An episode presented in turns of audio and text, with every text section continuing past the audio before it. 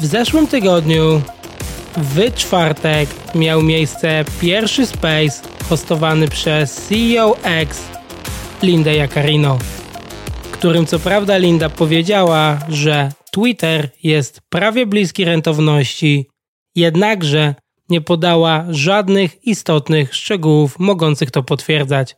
Ponadto czwartkowy Space był jednocześnie wywiadem z Lindą dla CNBC, w którym pytania zadawała reporterka Sarah Einsen.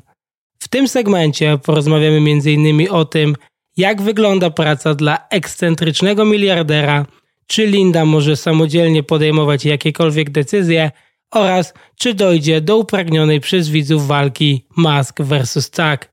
W takim razie zaczynajmy. Myślę, że Linda wypełnia swoje obowiązki jak najlepiej potrafi, a że Musk nie daje jej zbytniego pola do popisu, bo swoje decyzje podejmuje sam i zazwyczaj w ciągu weekendu, no to Linda mówi tylko tyle, ile tak naprawdę informacji na ten temat ma. O podziale obowiązków pomiędzy Lindą a Maskiem porozmawiamy za chwilę, natomiast faktycznie po przesłuchaniu całości nagrania widać było, że Linda stara się mieć do tego pozytywne nastawienie. Widać było, że stara się skupić na tym, co udało jej się przez te ostatnie 8 tygodni osiągnąć mówiąc przy tym, co prawda, że Elon Musk jest wspaniałym współpracownikiem oraz że Twitter przez te 8 tygodni stał się niewiarygodnie lepszym miejscem dla użytkowników. Natomiast wydaje mi się, że powinna mieć takie nastawienie, jeśli faktycznie chce na dłuższą metę współpracować z Elonem, ale po kolei. Podczas rozmowy Linda wspomniała o wyborze nazwy dla części powierzchni biurowej w Nowym Jorku. W tym celu X stworzyło ankietę, gdzie użytkownicy głosowali na istniejące już propozycje lub zgłaszali swoje. I oto trzy z nich, które spodobały się CEO najbardziej. Numer jeden.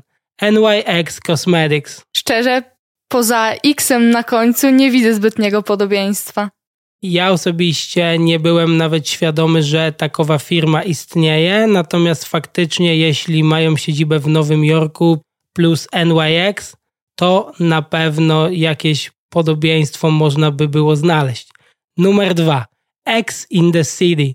No, myślę, że brzmi całkiem dobrze, a jeśli ludzie dodatkowo będą to wiązać z kultowym filmem, to dlaczego nie? Wydaje mi się, że możesz mieć rację. Numer 3. SpaceX. Eee, oklepane. Musk już wykorzystuje to tak e, często, że myślę, że ta propozycja nie ma za bardzo tutaj przebicia. A ja tam myślę, że coś właśnie w tej grze słów jest. No bo pomyślmy o tym. Powierzchnia biurowa z angielskiego space, wykorzystywana przez X Corp w skrócie X, czyli razem SpaceX. No w sumie po twoim wytłumaczeniu faktycznie to ma sens. I jak myślisz, która nazwa według ciebie powinna zostać wybrana? No szczerze mówiąc mi się podobała chyba najbardziej propozycja numer dwa. Rozumiem, to nie mam dla ciebie dobrych wiadomości, gdyż użytkownicy zagłosowali na numer jeden. Tym samym powierzchnia biurowa została nazwana NYX.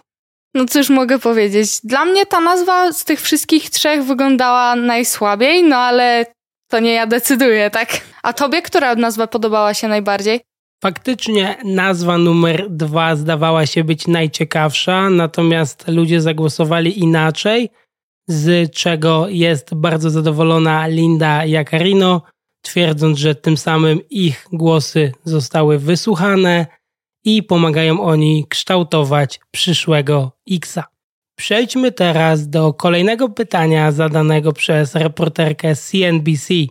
Sara zapytała Lindę, dlaczego Twitter zmienił nazwę na X, a Jakarino potwierdziła, że została zatrudniona przez Ilona w celu przekształcenia Twittera do X, super aplikacji, którą Musk chce zbudować od początku przejęcia Twittera.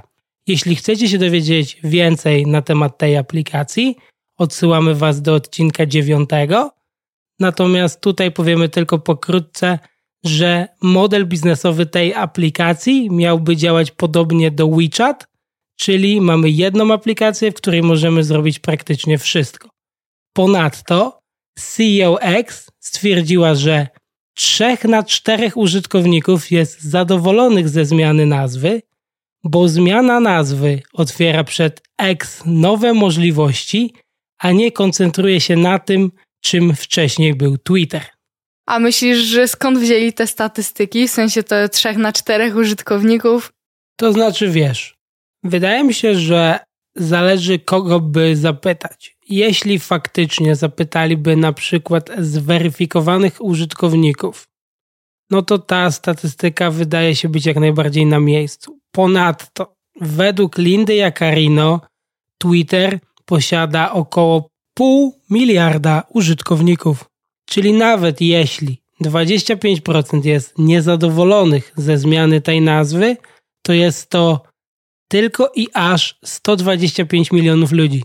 Mhm. I być może my widzimy tylko te niezadowolonych 125 milionów ludzi, a oni mogą widzieć cały obraz, że faktycznie zadowolonych może być 75% użytkowników. Ale myślisz, że to faktycznie jest tak, jak mówi Linda, że to tworzy dla nich taką właśnie nową, czystą kartę, że ten X jest czymś całkowicie nowym niż Twitter?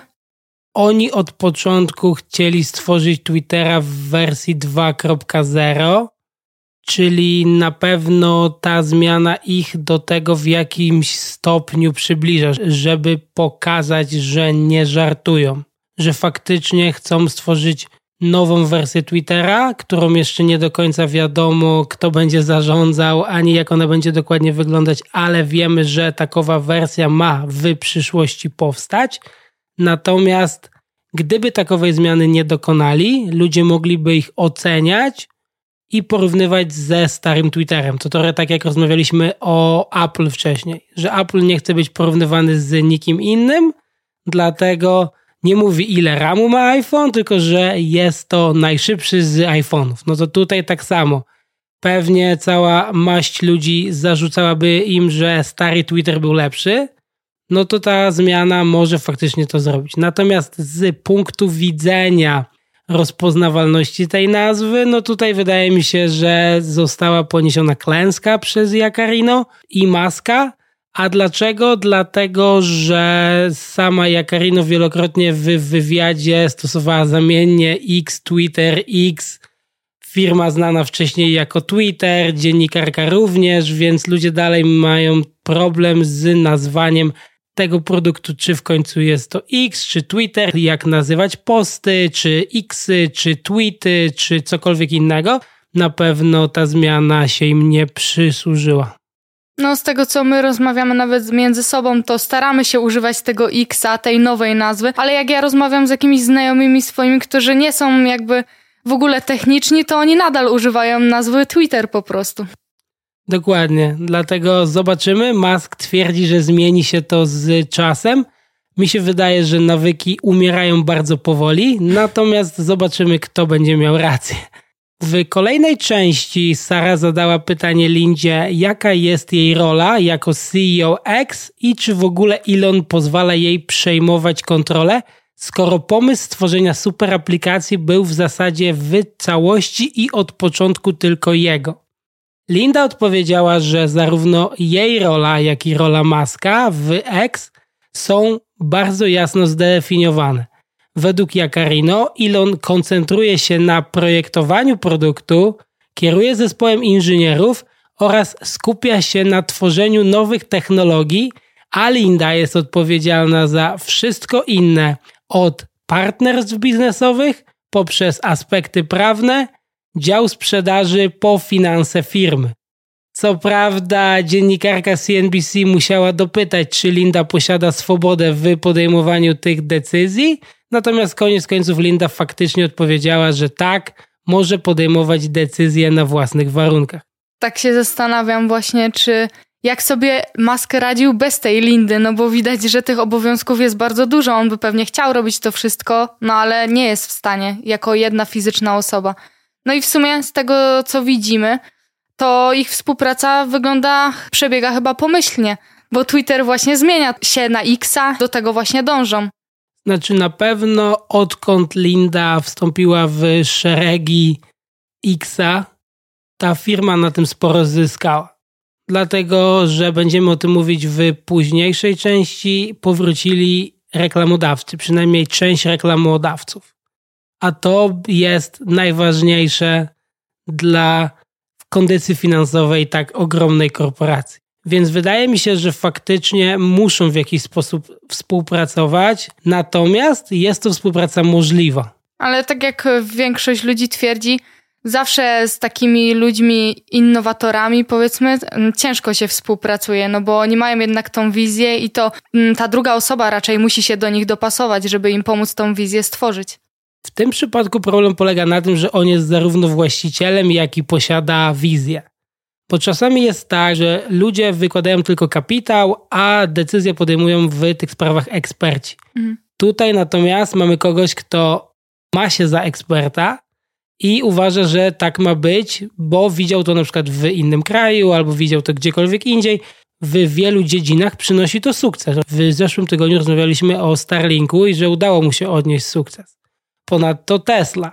Pytanie, czy ten model biznesowy sprawdzi się w mediach społecznościowych. I tutaj kolejnym problemem poruszonym w tym wywiadzie było pytanie, czy wizja stworzenia platformy opartej na wolności słowa, oczywiście oczami Ilona Maska, to opłacalny biznes. Według Lindy istnieje popyt na takowy model biznesowy, natomiast według Sary, aby to osiągnąć, najpierw będą musieli się uporać z nienawiścią, jadem oraz teoriami spiskowymi wszechobecnymi już teraz na platformie. Tutaj pojawia się kolejny problem, który poruszyła Sara. Mianowicie zapytała, czy w takim razie czują się pewnie oferując reklamy podczas zmagania się z wcześniej wspomnianymi problemami. Na co CEO X odpowiedziała, że X jest znacznie zdrowszą i bezpieczniejszą platformą niż rok temu dzięki stworzeniu narzędzi bezpieczeństwa marki i moderacji treści, których nigdy wcześniej na platformie nie było. Co więcej, stworzyli w tym celu wewnętrzną politykę o nazwie Freedom of Speech, not Reach. A czym jest dokładnie ta polityka? No bo w sumie to, co powiedziałeś wcześniej, trochę się gryzie z tym, co mówi Linda, no bo z tego co wiemy, Twitter stracił wielu y, reklamodawców właśnie. Polityka ta ma działać w następujący sposób. Jeśli zamierzasz opublikować coś, co jest nielegalne lub niezgodne z prawem, to twój post zostanie usunięty. Natomiast jeśli opublikujesz coś, co jest zgodne z prawem, natomiast treść twojego posta jest nasączona jadem, co wewnętrznie nazywają it's lawful but it's awful, to Twój post zostanie oflagowany i nie będzie go można udostępniać oraz nie będzie możliwości zarabiania na nim. Następnie Linda przedstawiła statystykę, według której w 30% przypadków użytkownicy, widząc, że ich post został oflagowany, sami decydują się na jego usunięcie, co raczej nie jest niczym dziwnym, jeśli ci użytkownicy chcieliby faktycznie na tym poście zarabiać. Myślę, że jeśli uda im się tego faktycznie dopilnować, to może być to całkiem fajne rozwiązanie. Zgadzam się z Tobą i Linda już teraz dodała, że aktualnie 99,9% reakcji na X jest healthy, ale tutaj pojawia się pewien problem, gdyż nie potrafiła odpowiedzieć Sarze, jak takowy healthy content rozumieją oraz czy według niej pornografia oraz teorie spiskowe są healthy. Ja bym miała wątpliwości, czy niektóre tweety Maska w ogóle są healthy, także faktycznie to może podlegać wątpliwości cała ta jakby wypowiedź Lindy. Dokładnie, a co więcej, Sara zapytała, jak ma się do tego wszystkiego przywrócenie na platformę Kanye Westa, którego obserwowały miliony użytkowników, a którego post na Twitterze pozostawiały wiele do życzenia.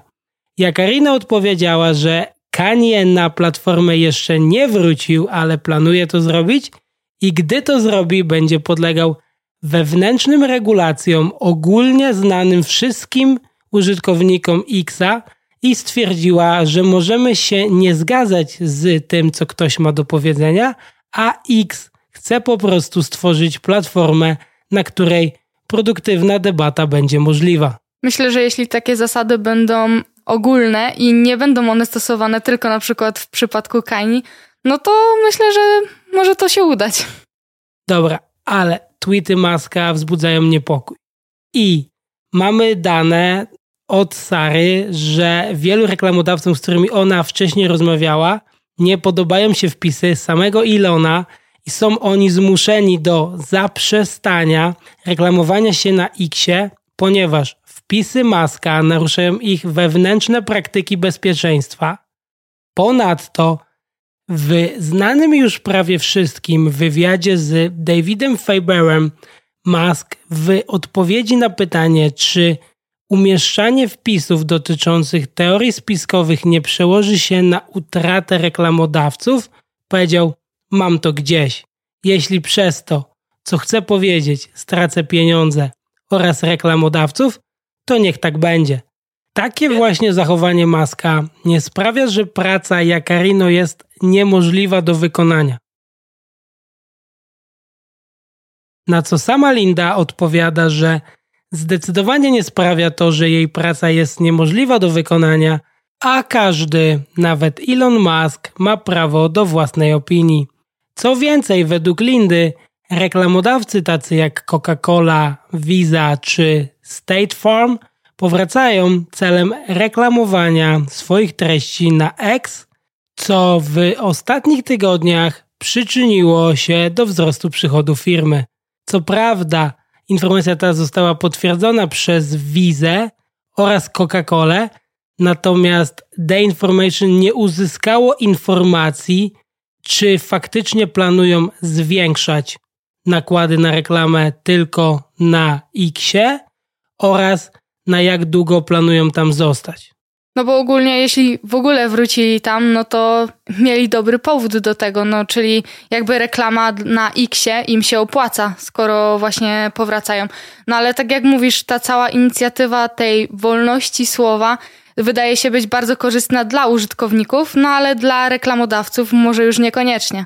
Wydaje mi się, że żaden reklamodawca nie chce się reklamować na kontencie teorii spiskowych. I teraz pytanie też, jak długo Musk będzie mm, wierny swoim własnym słowom o tym, że ma gdzieś reklamodawców. O tym, czy powinniśmy w 100% wierzyć w to, co mówi Elon oraz to, co tweetuje Elon, będziemy rozmawiać za chwilę. Natomiast teraz porozmawiajmy chwilę o Threads, które co prawda w Polsce jeszcze nie zadebiutowało, natomiast dostaliśmy już powiadomienie na Instagramie, że takowa aplikacja ma się pojawić i na razie można sobie ustawić tylko i wyłącznie przypomnienie i Instagram powinien nas poinformować, kiedy taka aplikacja dostępna będzie.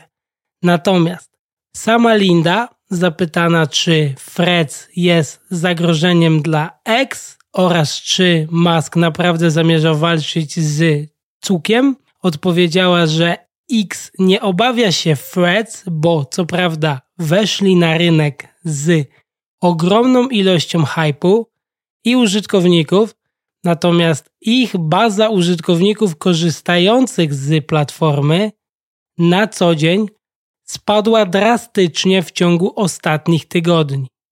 Co więcej, X nie będzie spuszczał wzroku z konkurencji i będą bacznie obserwować poczynania Threads.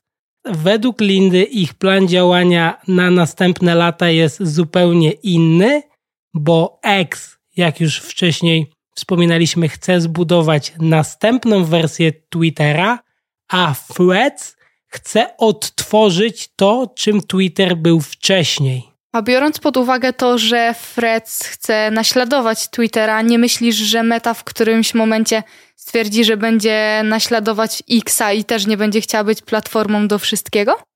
Wątpię, aby Meta takowe zapędy miała, ale koniec końców wszystko zależy od użytkowników i czy oni będą szukali takiej funkcjonalności. Natomiast chciałbym się skupić na zupełnie innym problemie, z którym musi się zmagać Threads. Mianowicie, że jest to relatywnie nowy produkt.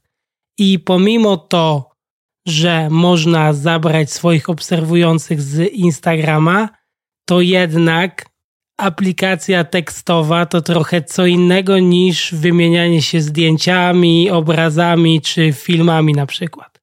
I wielu twórców ciągle mówi, że nie jest gotowych na przejście na Threads, gdyż ich baza użytkowników ciągle jest na Twitterze. Czyli jeżeli na przykład ktoś sobie przez lata stworzył ogromne community, z którego zarabia i rzuca tak zwane inside joke'i i wszyscy je rozumieją, cieszą się i są zadowoleni z tego kontentu. On teraz ma się przenieść na threads i na ten sam content ludzie reagują, ok, ale o co w zasadzie chodzi, no to to też nie jest opłacalne. Dziennikarze, oni cały czas szukają alternatywy. I takowej alternatywy wielu z nich nie znalazło po dziś dzień. Wielu z dziennikarzy, gdy ich szukam oraz gdy chcemy followować ich feed, dalej głównym źródłem informacji jest Twitter. No, na pewno bardzo ciężko jest przenieść użytkowników na inne aplikacje. No i w sumie nie dziwię się też dziennikarzom, no bo skoro mają e, tam swoich odbiorców i mają tam inne źródła właśnie informacji, no to po co mają się przenosić gdzieś, gdzie tego w ogóle nie ma, tak? I musieliby to tworzyć jakby wszystko od początku i to nie tylko, gdyby to zależało tylko od nich, no ale do tego są potrzebni też inni ludzie. Dokładnie. A co więcej, najłatwiej będzie się wybić nowym użytkownikom. No bo jeśli nie miałeś wcześniej bazy użytkowników, to być może algorytm Threads ci w tym pomoże. Kolejna różnica pomiędzy Twitterem a Threads polega na tym, że w karcie dla ciebie Meta stawia na sztuczną inteligencję i to ona ma wybierać taki kontent, który ich zdaniem ciebie zainteresuje. Natomiast Twitter, przynajmniej z tego co mi wiadomo, nadal w tym aspekcie stawia na znajomych znajomych, ludzi popularnych oraz tego typu powiązania. I już teraz oczywiście są tego zwolennicy i są tego przeciwnicy, natomiast nie wydaje mi się, aby odpowiadając już finalnie na Twoje pytanie, aby Meta chciała stworzyć aplikację do wszystkiego. Przejdźmy teraz do tego, czego się dowiedzieliśmy w sprawie walki pomiędzy Maskiem a Cukiem. Sama Linda odpowiedziała, że co prawda nie wie, czy takowa walka się odbędzie, natomiast może zapewnić, że Elon Musk trenuje, także według niej, jeśli do walki dojdzie, to wiele stron na tym skorzysta oraz będzie to świetna okazja do promowania marki. Jak tak o tym mówisz, to już sobie wyobrażam, że w narożniku maska stoi Linda z takim wielkim żółtym paluchem Go Mask i mu tam będzie kibicować, bo jak widać, no chcąc nie chcąc musi go wspierać, tak? Jeśli do takowej walki faktycznie miałoby dojść, to pewnie i Lindy by tam nie zabrakło, pomimo to, iż teraz nie jest ona zaangażowana ani w negocjacje terminu, ani w proces organizowania całej tej walki. W ostatnich tygodniach przekonaliśmy się za to, że w zapewnienia maska w postach na X nie można bezgranicznie wierzyć i trzeba je weryfikować w innych źródłach lub czekać na potwierdzenie bądź zaprzeczenie ze strony Zuckerberga. Wszystko zaczęło się 6 sierpnia, kiedy to Elon napisał, że jego walka z CEO Mety będzie streamowana na żywo na X. Ponadto zyski z tej walki zostaną przekazane na organizacje charytatywne niosące pomoc weteranom wojennym. Było to niemałym zaskoczeniem dla Marka, który odpowiedział na Threads, że zaproponował już nawet termin walki na 26 sierpnia, jednakże Musk nie zaakceptował tego terminu, mówiąc, że potrzebuje więcej czasu na przygotowania do walki. Chwilę później na profilu Maska ukazał się wpis, że dokładna data tego wydarzenia ciągle się zmienia, a sam Musk ma się udać na rezonans magnetyczny szyi i górnej części pleców. Twierdził też, że od tej wizyty zależy, czy będzie potrzebował operacji przed walką. Gdy Musk opublikował to oświadczenie, że musi udać się na ten rezonans, to widziałam, że w komentarzach zarejiło się od zdjęć, gdzie Musk podczas przejmowania Twittera wynosił bądź wnosił, tutaj nie jestem pewna, ceramiczną wielką umywalkę. No i ludzie pisali pod spodem, mm, już wiemy dlaczego musi y, sprawdzić stan swoich pleców. Kto wie, być może właśnie i to przyczyniło się do tego, że Musk musi się udać na tą wizytę. Natomiast na pewno widać, że Zuckerberg nie jest dalej do końca zainteresowany tą walką, tak jak był na początku. On sam wielokrotnie używał stwierdzeń I don't hold my breath, co oznacza dokładnie, że on jest już trochę znużony ciągłym zmienianiem terminów walki i on sam w swoim oświadczeniu stwierdził, że zamierza dalej walczyć i zamierza to robić na jakimś poziomie Natomiast czy dojdzie do walki z Ilonem, on sam nie wie. No ale tak jak widzimy, to Mark nadal gdzieś tam trenuje. Nie, może nie stricte pod tą samą walkę, no ale ogólnie stara się jakoś utrzymać formę, a Musk raczej wygląda jakby po prostu lubił dużo mówić. Nawet próbował załatwić sobie to, aby ta walka odbyła się w Koloseum, czego jak wiemy, no niestety się nie doczekamy. Dokładnie, więc musimy brać to, co pisze Musk na swojej platformie z dużą dozą rezerwy. Musk napisał również, że chciałby, aby ta walka odbyła się w jakimś epickim miejscu w Rzymie. Plotki te zdementował reporter The Verge Alex Heath, który rozmawiał z włoskim ministrem kultury i on te plotki zdementował, mówiąc, że o niczym takim nie wie i według niego, przynajmniej na razie, na pewno do takiej walki w Koloseum nie dojdzie. Wydaje mi się, że Musk czasami tak coś palnie i ma nadzieję, że po prostu ktoś się tym, powiedzmy, w cudzysłowie zajara i powie, o, to jest super pomysł, no bo skoro on może reklamować Xa przez tą walkę, to dlaczego my nie możemy reklamować, nie wiem, naszego pięknego państwa przy, dzięki tej walce również? Co do postawy samego Ilona, to redaktor naczelny Platformer Casey Newton skomentował jego ostatnie poczynania w następujący sposób. Jestem dość dobrze zaznajomiony z postacią, którą gra tutaj Musk. Wielkiego mówcę, który nie może potwierdzić swoich umiejętności w ringu. Promotorzy w wrestlingu zarobili mnóstwo pieniędzy na tchórzliwych mistrzach, którzy dokładają wszelkich starań, aby uniknąć konfrontacji z przeciwnikami w walce.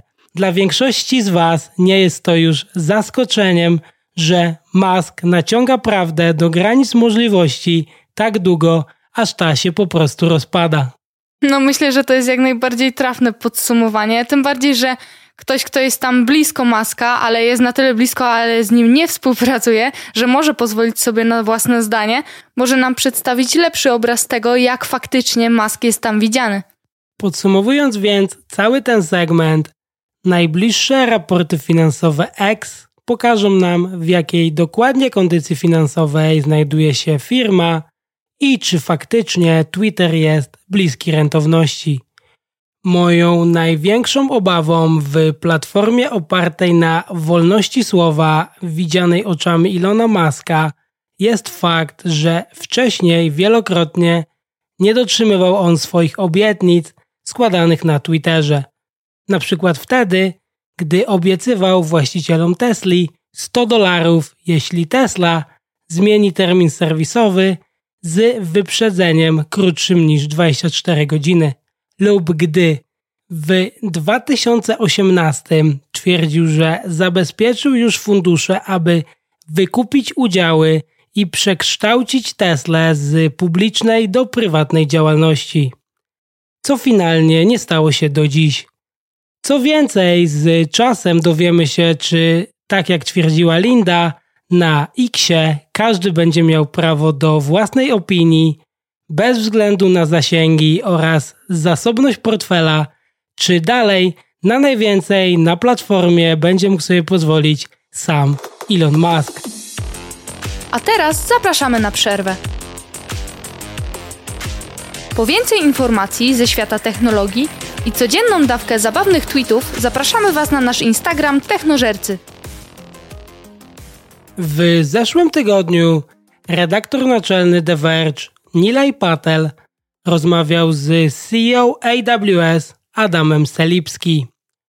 Dla tych, którzy jeszcze nie wiedzą, AWS jest największym dostawcą usług chmurowych na świecie i najbardziej dochodową spółką córką Amazona, generującą tylko w ostatnim kwartale ponad 22 miliardy dolarów zysku.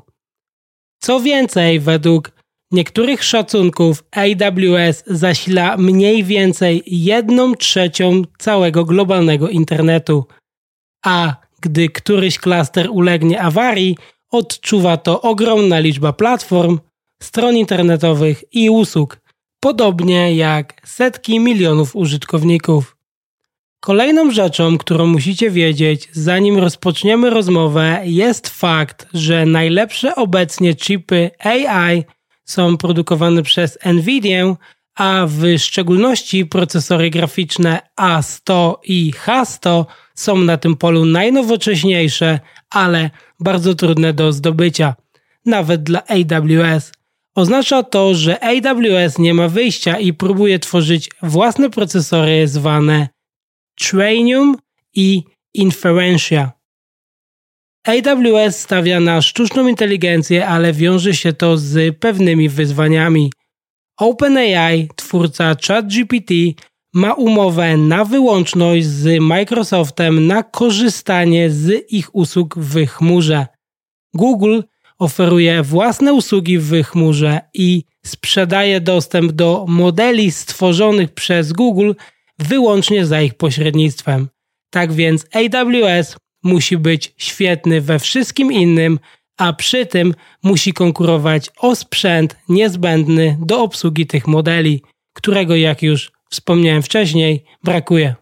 Myślę, że AWS inwestuje w sztuczną inteligencję i chce rozwijać tą dziedzinę, no bo to jest teraz najprężniej rozwijająca się dziedzina. No i wszyscy w nią inwestują, więc y, gdyby tego nie zrobili, mogliby się skazać sami na mm, jakieś problemy w przyszłości. Dokładnie, jest to odpowiedni czas na to, aby takowych inwestycji dokonywać, pomimo że sztuczna inteligencja to dopiero rodzący się rynek. Nikt nie wie do końca, jak to wszystko będzie działać. Jedynym graczem w tej dziedzinie, który zarabia w tym momencie jakieś pieniądze, wydaje się być Nvidia, która sprzedaje swoje chipy wszystkim, chociaż i tu bywają pewne ograniczenia. Być może już wkrótce zarabiać będą również dostawcy usług w chmurze, tacy jak AWS, którzy oferują klientom pojemność do przechowywania danych.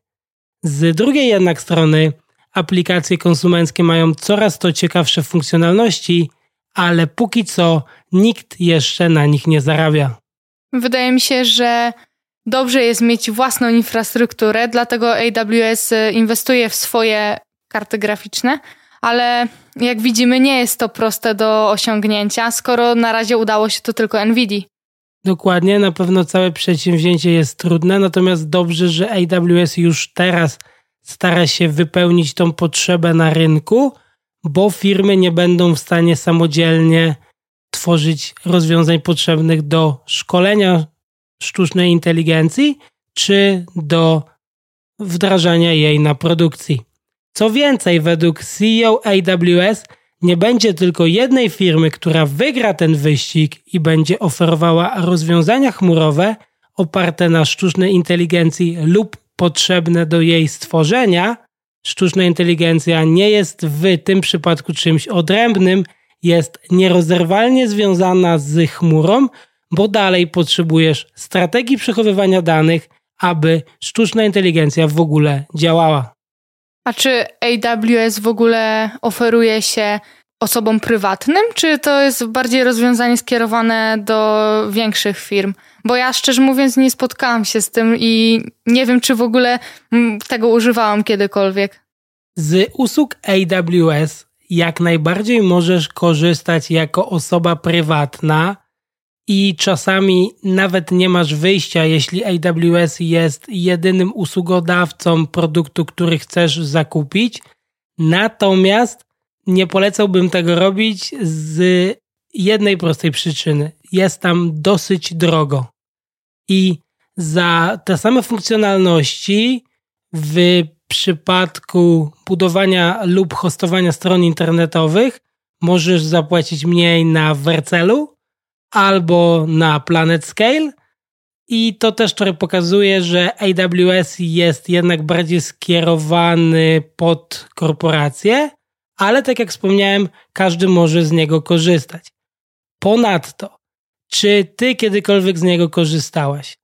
Być może tworząc strony, na pewno z niego nie korzystałaś, ale jako użytkownik i osoba, która przegląda aktywnie internet, na pewno Twoje zapytania otarły się i musiały przejść przez infrastrukturę AWS. No właśnie dlatego w mojej e, wypowiedzi była ta wątpliwość, czy na pewno nie korzystałam, no bo tego właśnie nie wiedziałam.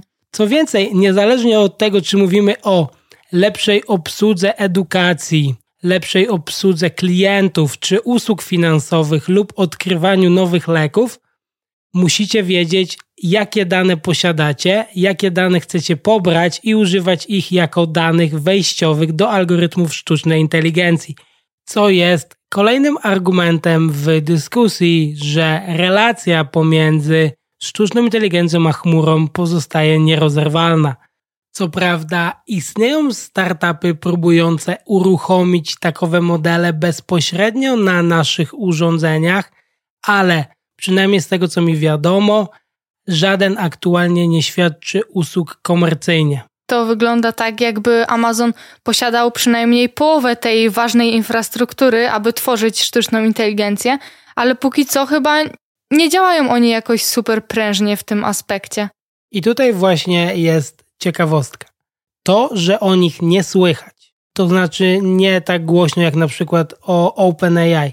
Oni nie będą tworzyć własnych modeli, które będą rozwiązywać wszystkie te problemy, oni będą zapewniać infrastrukturę. I teraz to nie znaczy, że nie będą swoich modeli tworzyć wcale. Będą, dlatego że na pewno znajdą się klienci chcący z ich modeli korzystać, gdyż pewnie cena wtedy będzie trochę niższa niż za inne rozwiązania oferowane przez AWS. No, a zwłaszcza, że gdy ktoś będzie posiadał jakiś pakiet większy, to pewnie wtedy cena w ogóle będzie właśnie niższa dzięki temu. Kolejnym powodem nierozerwalnego związania AI z chmurą jest to, że sztuczna inteligencja nie jest tania. Obecnie jest to bardzo drogi proces. Co prawda, procesory graficzne są coraz bardziej wydajne, ale są też bardzo drogie. I co za tym idzie, samo szkolenie modeli jest niezwykle kosztowne. Ale na tym nie koniec. Uruchamianie modeli i wykonywanie do nich zapytań na produkcji jest również bardzo kosztowne. Aby opłacało się to z ekonomicznego punktu widzenia, potrzebna jest chmura. Zdecydowana większość firm będzie potrzebowała firm takich jak AWS, aby z czasem radykalnie obniżyć koszty, żeby być w stanie zasilać wykładniczy wzrost modeli sztucznej inteligencji, który chcąc nie chcąc wszyscy chcielibyśmy w końcu zobaczyć. A poza AWS, kto się jeszcze liczy na rynku chmurowym poza właśnie nimi? Głównym graczem jest Microsoft Azure, hmm? czyli usługi chmurowe oferowane przez Microsoft oraz Google Cloud. To są tacy najwięksi. No bo z mniejszych mamy jeszcze m.in. właśnie Vercela, Planet mhm. Scale, czy na przykład Linode. No właśnie chciałam się zorientować, jak w ogóle wygląda konkurencja na tym rynku. No i widzimy, że skoro można ich zliczyć na palcach jednej ręki, no to istnieje duże prawdopodobieństwo, że uda im się przyciągnąć klientów, którzy chcieliby korzystać z ich chmury po to, aby używać jej do rozwijania sztucznej inteligencji. I tak i nie, bo na przykład Nvidia inwestuje aktualnie bardzo mocno w startupy, które mają być bezpośrednią konkurencją dla AWS, takie jak Lambda Labs oraz CoreWeave, gdyż oni właśnie się obawiają tego, że AWS stara się tworzyć swoje własne chipy i przez to nie będą uzależnieni w 100% od Nvidia. I do czego zmierzam? Pomimo świetnych relacji z Nvidia, AWS samemu wprowadza innowacje oraz projektuje własne układy scalone. Są to trzeciej generacji chipy ogólnego przeznaczenia, natomiast AWS w swojej ofercie posiada również specjalne chipy do AI, a także do uczenia maszynowego. Trainium przeznaczony jest do szkolenia modeli, a Inferentia do uruchamiania modeli na produkcji. I sam Selipski jest głęboko przekonany, że ich chipy będą miały najlepszą wydajność cenową ze wszystkich technologii chipowych oferowanych do tworzenia sztucznej inteligencji, co będzie niezwykle ważne dla startupów takich jak Coherent, Anthropic, Stability AI oraz Hugging Face, które na co dzień zajmują się budowaniem takich właśnie modeli. Jakoś bardzo mnie to nie dziwi, w sensie mm, to nadal jest Amazon i tak jak e, Amazon zawsze działał, tutaj próbuje też działać, czyli próbuje uzależnić od siebie klienta. Faktycznie AWS ma to dosyć mocno wpisane w swoje modus operandi, natomiast Nvidia nie jest w stanie sama sprostać popytowi na karty graficzne. Co przez to rozumiem? Aktualnie z pewnych źródeł wiemy, że nawet wewnątrz Microsoftu trwają kłótnie o to, który zespół może dostać ile takowych kart. A Microsoft nie narzeka na problemy finansowe.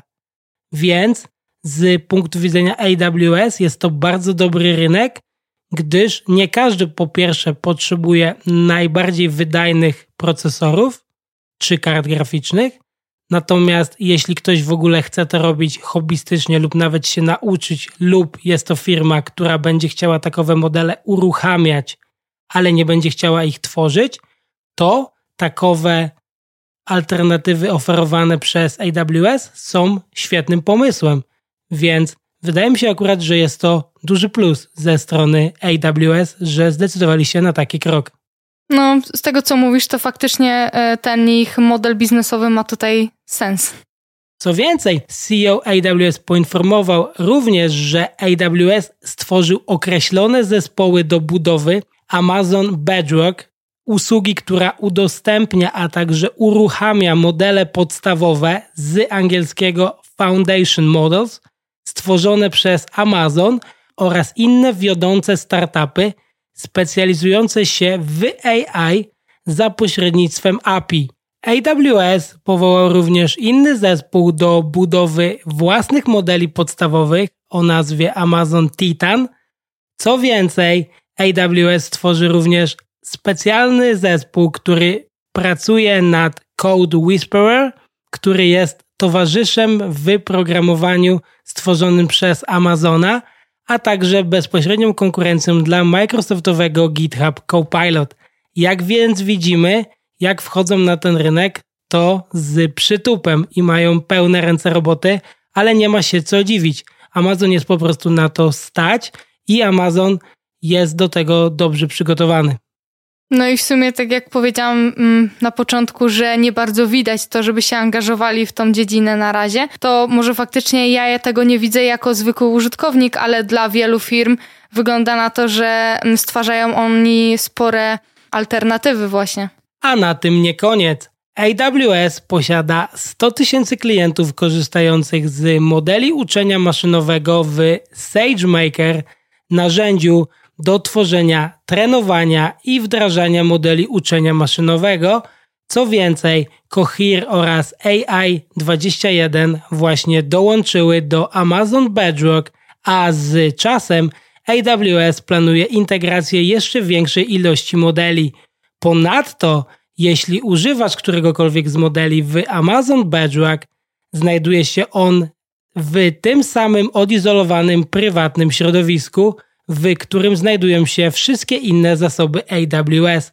To rozwiązanie nazywane jest wirtualną chmurą prywatną. Innymi słowy, wszystko jest zaszyfrowane i żaden trafik nie wychodzi przez publiczny internet. AWS tworzy instancję modelu, którego chcesz używać w Twojej wirtualnej chmurze prywatnej, co jest naprawdę istotne w przypadku wprowadzania ulepszeń do modelu, ponieważ ulepszenia będą widoczne tylko w Twojej instancji, a nie dostępne dla wszystkich, ku radości Twoich konkurentów, którzy nie muszą ponownie wykonywać pracy, którą Ty już za nich wykonałeś. No, powiem szczerze, że te produkty brzmią naprawdę zachęcająco dla innych firm. Wiemy już, jakie jest Twoje zdanie na temat modeli językowych. Uważasz, że one kłamią? No, w skrócie można tak powiedzieć. Mam więc dla Ciebie dobrą wiadomość, gdyż Adam Selipski zapewnia nas również, że AWS dużo myśli o odpowiedzialnej sztucznej inteligencji, prywatności użytkowników oraz o kwestiach etycznych, a także regulacyjnych i legislacyjnych, które są bardzo szczegółowo omawiane. Ponadto AWS wkłada mnóstwo pracy w minimalizowanie ilości halucynacji mogących mieć miejsce w ich modelach. W tym celu wprowadzają różne metody sprawdzania krzyżowego, co pokrótce oznacza, że model może stwierdzić, czy zmyśla rzeczy, starając się być dla ciebie pomocnym. Czyli widzisz, one kłamią po prostu po to, żeby ci pomóc. tak. Myślę, że jeśli te wszystkie aspekty, które wymieniłeś, są przyczyną tego, że Amazon nie wypuścił jeszcze takiego modelu językowego, bo naprawdę się stara to poprawić, no to ja jestem jak najbardziej za. Wszystko wskazuje więc na to, że pomimo powstania wielu startupów wspieranych przez Nvidia, będących bezpośrednią konkurencją dla AWS, takich jak Lambda Labs czy CoreWeave, to AWS nigdzie się nie wybiera. A produkcja własnych chipów wyspecjalizowanych w AI oraz uczeniu maszynowym na pewno będzie alternatywą dla wielu potencjalnych klientów, zwłaszcza, że popyt na A100 i H100 jest ogromny i Nvidia nie jest w stanie mu całkowicie sprostać. Ciekawi mnie tylko jedno, czy z czasem AWS będzie zamykał potencjalnych klientów w swoim ekosystemie usług związanych z sztuczną inteligencją, jak to do tej pory miał w zwyczaju w przypadku innych usług, czy coś się na tym polu zmieni. A teraz zapraszamy na przerwę. Jeżeli interesuje Was krótki kontent technologiczny, to koniecznie wpadnijcie na nasze konto Technożercy na Instagramie, Xie oraz TikToku. Od jakiegoś już czasu TikTok stara się przebić ze swoim nowym produktem, mianowicie z TikTok Shop. TikTok Shop to rozwiązanie e-commerce zintegrowane z TikTok. Funkcjonalność ta jest dostępna w Wielkiej Brytanii, Stanach Zjednoczonych, a także w Indonezji, Wietnamie i Singapurze. Stworzenie biznesu w branży e-commerce aktualnie do najłatwiejszych nie należy, głównie ze względu na ogromną konkurencję. Zadanie to powinno być trochę łatwiejsze dla TikToka, który posiada ogromną bazę użytkowników, to jest jeśli TikTok będzie w stanie skłonić ich do robienia zakupów za pośrednictwem swojej aplikacji. Po ostatnich roszadach w personelu widać natomiast, że TikTok naprawdę myśli na poważnie o stworzeniu konkurencji dla Amazona czy Shane. Ale rozumiem, że TikTok Shop ma działać tak, że nie będzie produkować swoich produktów, tylko będzie oferował na swojej platformie produkty mm, innych firm, tak? Tak, dokładnie. Dokładnie ma to działać w taki sposób, że będzie po prostu zakładka shop, będzie można wejść i kupić produkty. No to ciekawe, skoro w moim odczuciu Shane na przykład e, zdominowało AliExpress, to ciekawe, czy TikTokowi uda się to samo z Amazonem. Zobaczymy, bo mają oni naprawdę sporo problemów do rozwiązania, ale możemy zacząć od tego, że TikTok zatrudnił dwóch weteranów handlu detalicznego, którzy pracowali odpowiednio w Amazon i Meta, aby pomogli oni nadzorować dążenie TikToka do zbudowania gigantycznego amerykańskiego biznesu e-commerce. W tym samym czasie, według osoby bezpośrednio zaznajomionej z sytuacją, dyrektor generalna TikToka do spraw e-commerce w USA, Sandy Hawkins, opuszcza firmę. Opuszcza ją sama dobrowolnie, czy e, po prostu ją zwolniono, bo mm, potrzebowali innych ludzi? Oficjalna informacja jest taka, że opuszcza firmę dobrowolnie. Ciekawe, czy to jest trochę takie uciekanie powiedzmy z tonącego statku, czy, czy może jakieś inne są tego przyczyny? Tego nie wiem, natomiast wiem, że CEO TikToka Shao Zi Chu, tak, mój chiński jest bardzo słaby, próbuje zbudować biznes e-commerce poprzez uruchomienie usługi o nazwie Shop, która pozwala ludziom kupować rzeczy w aplikacji TikTok. Firma buduje własny łańcuch dostaw i tworzy operacje logistyczne z partnerami logistycznymi oraz przygotowuje się do sprzedaży własnych produktów, a także rekrutuje marki do sprzedaży za pośrednictwem aplikacji.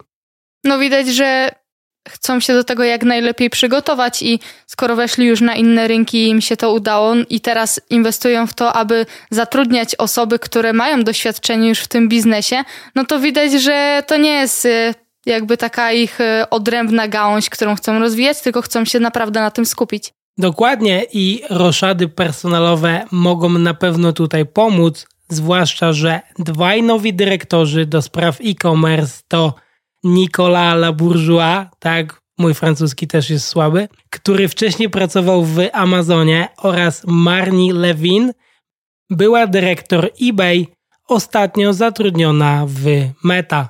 Do ich zadań należeć będzie nadzorowanie handlu w branży e-commerce w USA, a ich bezpośrednim przełożonym będzie Bob Kang, szef do spraw handlu w ByteDance. Wygląda na to, że nowych zadań będzie na tyle dużo, że z jednego etatu zrobiły się dwa osobne. I biorąc pod uwagę fakt, że ten biznes się rozrośnie, to kto wie, czy nawet nie będą potrzebowali jeszcze jednej osoby do pomocy, no bo przecież jest to ogromne przedsięwzięcie. Same Stany są ogromnym krajem, a samych zadań na pewno będzie tylko przybywało. To jest, jeśli uda im się przekonać sprzedawców. Póki co TikTok, aby zachęcić amerykańskich sprzedawców do sprzedaży za pośrednictwem aplikacji, oferuje dotacje, w tym na pokrycie niektórych kosztów związanych ze zwracaniem produktów oraz pokrywa koszty wysyłki dla sprzedawców TikTok Shop.